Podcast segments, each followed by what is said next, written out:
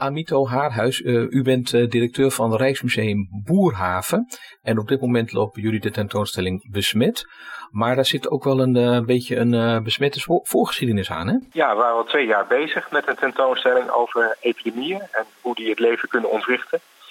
We wilden vooral waarschuwen voor een nieuwe onbekende ziekte, die zomaar opeens de kop op kan steken. En toen was daar corona. Op een gegeven moment hebben we dus besloten dat we de tentoonstelling ook wilden doorontwikkelen.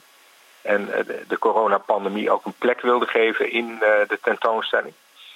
In de introductie van de tentoonstelling kijken we nu met een filmpje terug op eh, de afgelopen maanden. en de enorme impact die corona heeft gehad op onze samenleving. Ja. Koning Willem-Alexander heeft de tentoonstelling geopend. Was dat oorspronkelijk ook al de bedoeling of komt dat door het coronavirus?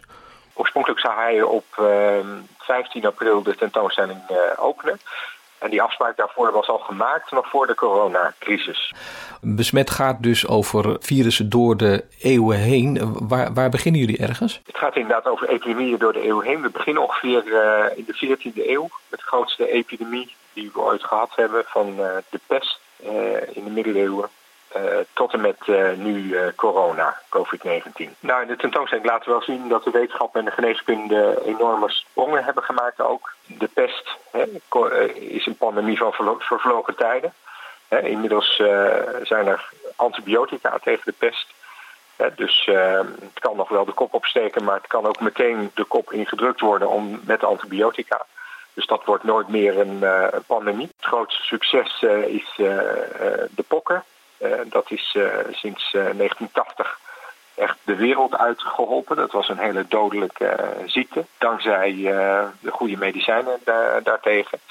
Maar tegelijkertijd leert de geschiedenis ook dat we altijd waakzaam moeten blijven, omdat er altijd een nieuwe onbekende ziekte op de loer ligt. Want dat, dat gaat natuurlijk gewoon door. Ja, dat is een, een constante. Hè? Dus, en ja, we leven ook nu in een hele geglobaliseerde wereld met veel internationaal transport menselijke bevolking is natuurlijk enorm uitgebreid. De dierlijke consumptie en het over de wereld heen vervoeren van uh, dieren, dat is enorm toegenomen. En die omstandigheden bij elkaar zorgen ervoor dat de kans hè, dat een, uh, een epidemie ontstaat, 60 tot 70 procent van de epidemieën ontstaan door overdracht van dieren op mensen. Uh, ook bij corona is dat het geval. Hè. Dat uh, vindt zijn oorsprong in uh, vleermuizen. Maar door die geglobaliseerde wereld is de kans dat een virus zeg maar, van dieren op mensen overgaat en vervolgens heel erg groot kan worden en, en zelfs kan uitgroeien tot een pandemie, die kans is veel groter geworden. Ja, want bijvoorbeeld, uh, u besteedt natuurlijk aan allerlei uh, factoren aandacht op de tentoonstelling. Wat mij dan gelijk te binnen schiet, dan denk ik aan, uh, ja, wat is de invloed geweest van het toerisme op het ontstaan en verspreiden van virussen bijvoorbeeld? Ik weet niet of dat op de tentoonstelling te zien is. Dat is ook iets wat we laten zien. We hebben een interactieve kaart in de tentoonstelling, waarbij we verschillende pandemieën hè, door de eeuwen heen laten zien en de snelheid waarmee die zich hebben verspreid. Eh, de pest in de 14e eeuw, dat ging heel erg langzaam. Van continent naar continent ging dat vooral eh, via schepen mm en langs de zijderoute. Maar ja, tegenwoordig inderdaad, ja, we vliegen allemaal ontzettend veel. Niet alleen wij zelf, hè. we transporteren ook heel veel dieren en vlees over de hele wereld. Nou, dat, dat zorgt ervoor dat virussen zich veel sneller kunnen verspreiden. Nou, we hebben het nu gezien met COVID-19. Dat is natuurlijk als een lopend vuurtje over de wereld gegaan. Ja, ik zei net al van er zitten allerlei aspecten aan. Hè. Nu, nou, we hadden het net even over toerisme en hoe dat ook in de uh, afgelopen eeuw hoe dat is gegaan. Het is natuurlijk, uh, ja, hoe moet ik dat nou omschrijven? Ook onze economie hangt eigenlijk aan een zijde draadje, omdat we zo afhankelijk zijn van, ja, allemaal van dat soort dingen. Bijvoorbeeld, ja, de hele toeristenindustrie ligt zo'n beetje op zijn gat. En nu zie je ook weer dat er, uh, ja, het is wel weer opengesteld, maar het gaat toch weer langzaam dicht, denk ik dan, als ik dat allemaal zo zie. Maar ja, op de een of andere manier kunnen we blijkbaar niet anders dan onze economie op die manier inrichten. Nou is dat een beetje een zijstapje hoor. Dat heeft niet alles te maken met jullie tentoonstelling. Maar het heeft er wel raakvlakken mee, denk ik. Uh, ja, het is uh, zeker een factor waar uh, risico's aan verbonden zijn. Ja, er zijn ook heel veel mensen die er nu voor kiezen om niet ver op vakantie te gaan, ja. hè, maar juist in eigen land te blijven.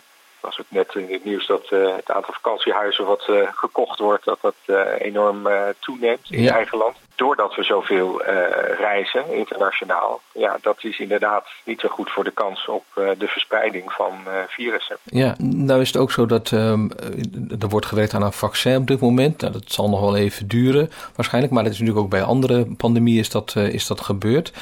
Eh, er zijn ook mensen die, ehm, ja, die niet gevaccineerd willen worden om allerlei redenen. Komt dat ook nog aan bod in de tentoonstelling? We zijn een wetenschapsmuseum, hè, dus we laten heel erg de wetenschappelijke uh, zoektocht ook zien naar uh, behandeling, naar medicijnen, naar vaccins. Hè. Dus eigenlijk voegen wij die wetenschappelijke feiten toe aan dat maatschappelijk debat. een verhaal wat ik graag vertel in de tentoonstelling hebben we een, een oud wasmodel uit het begin van de 20e eeuw, tussen 1900 en 1930. En dat is een afdruk van een, een levensziek meisje wat de mazelen had. Ja, er is een afdruk van gemaakt. Eerst met gips en uh, volgens aan de binnenkant is daar een laag was ingelegd. En dat meisje is helemaal nagemaakt. Hè? Dus eigenlijk sta je dan oog in oog in de tentoonstelling met een levensziek meisje wat uh, de mazelen heeft. Ja, dat werd gebruikt begin 20e eeuw voor publieksvoorlichting. Hè? Dus om mensen te onderwijzen wat, wat voor ziektebeelden er kunnen optreden bij bepaalde ziekten. En eigenlijk heeft het in die tentoonstelling nu weer diezelfde rol. Wij hebben in ons Rijksvaccinatieprogramma het BMR-vaccin, onder andere tegen de mazelen, mhm. ook tegen bof en rode hond. En dat zit er pas sinds 1976 in. Maar dat is natuurlijk, omdat het zo succesvol is geweest, ja. eh, zie je nog nauwelijks mensen om je heen die de mazelen eh, krijgen. En we zijn ook vergeten dat uh, een kleine 100 jaar geleden 200 tot 300 kinderen per jaar daaraan overleden. En dit meisje in de tentoonstelling herinnert ons als het ware daaraan. Persoonlijk vind ik dat in het maatschappelijk debat de afgelopen jaren uh, het debat misschien iets te veel ging over mogelijke uh, bijwerkingen van vaccins. En wat te weinig over de enorme gezondheidswinst die vaccins hebben opgeleverd. Ja, maar dat is inderdaad, uh, ja, daar, daar kan verschillend over gedacht worden. Hoewel als je het uit wetenschappelijk oogpunt bekijkt, kan je er misschien maar op één manier over denken. Ja, en, en wij staan natuurlijk voor de wetenschappelijke methode, want we zijn een wetenschapsmuseum. Ik ben Anne-Marie Oudersluis. Ik ben bijna 48 jaar arts. En ik heb uh, tot uh, 2014 gewerkt als kinderarts. Um, bof, rode hond, uh, mazelen, ze zijn allemaal kinderziektes die uh, ja, oudere mensen allemaal gezien hebben, en zeker oudere artsen. Wat mij het meest bijgebleven is, denk ik, is de rode hond. Al die angsten die uh, daaromheen bestonden, als een moeder dat kreeg in de zwangerschap, kon dat leiden tot heel ernstige afwijkingen bij het ongeboren kind. Ik heb het ook meegemaakt bij een paar baby's die daarmee geboren werden, die doodgingen heel kort na de geboorte. Maar in zo'n geval neemt een moeder zichzelf ook heel uh, kwalijk en denkt, had ik maar dat kunnen voorkomen. Um, ik heb jarenlang in Rotterdam gewerkt, in het Zuiderziekenhuis. En daar was een speciale gebouw, de ARK heette dat wat opgezet werd voor kinderen die um, polio kregen in 1955. Zij verbleven daar uh, dag en nacht, continu uh, verzorgd en aan de beademing. En die mensen zijn daar in ieder geval tot 2015. Zodat het 60 jaar lang de gevolgen van zo'n kinderziekte Iedereen is vergeten waardoor het gekomen is. Maar je ziet hoe het leven van zo'n mensen totaal veranderd is hierdoor. En ook natuurlijk van hele families. Het is heel triest. Uh, tetanus is een heel ernstige ziekte, een dodelijke ziekte meestal. De tetanusbeesten kan je zeggen, vooral bij een wondje komen ze het lichaam binnen. Ze leiden tot aantasting van die uh, zenuwen en van de spieren. En uh, de mensen krijgen zeer, zeer heftige uh, spierkrampen. Um, ik heb het één keer gezien. Ik was student. We mochten alleen maar om de hoek van de deur kijken. Bij de kleinste, geringste geluid of beweging kon het kind weer schieten in zo'n krampaanval. En helaas is het kindje ook overleden. Een patiënt aan wie ik vaak moet denken is een meisje die geboren werd twee maanden voordat die um, pneumokokkenvaccinatie opgenomen werd in het Rijksvaccinatieprogramma. En zij heeft een uh, ernstige infectie hiermee gehad met uh, hersenvliesontsteking en ook uh, ernstige ontwikkelingsproblemen, spasticiteit, doofheid. En ik denk altijd, wat een pech was dat. Als zij net twee maanden later geboren was, was zij beschermd.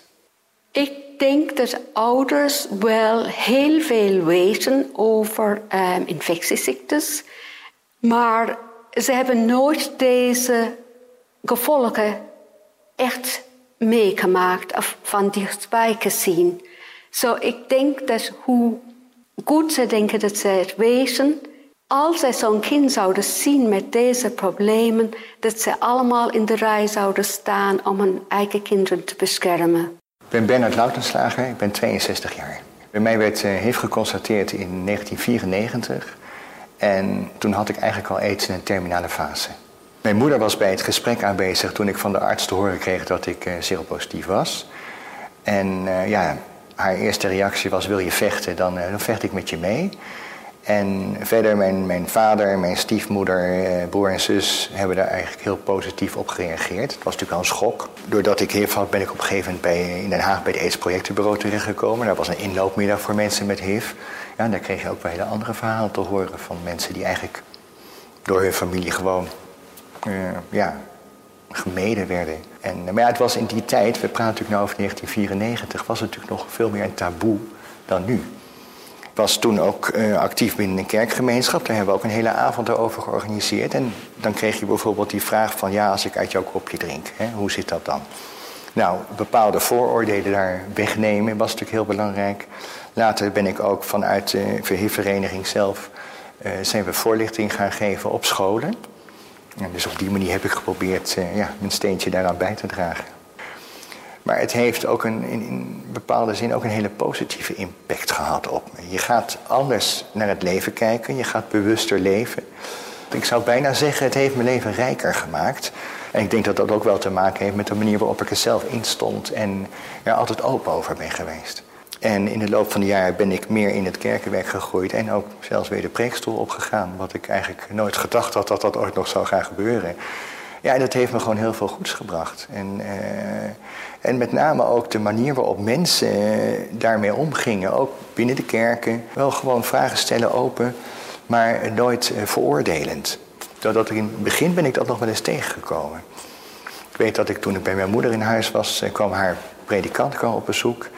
En die had eigenlijk de indruk van dat ik wel als een beest geleefd moest hebben om HIV te kunnen krijgen. En toen zei ik, nou, het is gewoon van één keer geweest. Gewoon van de allereerste keer. Ik had gewoon pech. En ik weet ook zeker dat degene door wie ik besmet ben geraakt het niet heeft geweten. In eerste instantie is het natuurlijk in de media is het natuurlijk heel erg afgeschilderd als een een of andere, ja, een enge homoziekte.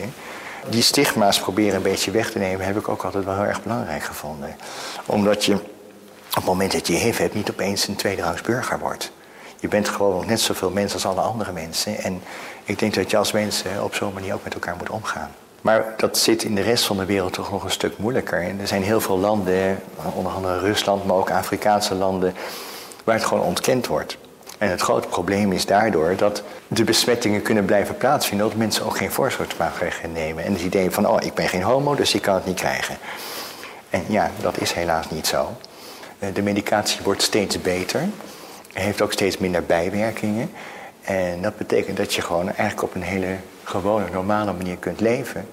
En uh, ik heb altijd gezegd dat ik 97 wilde worden.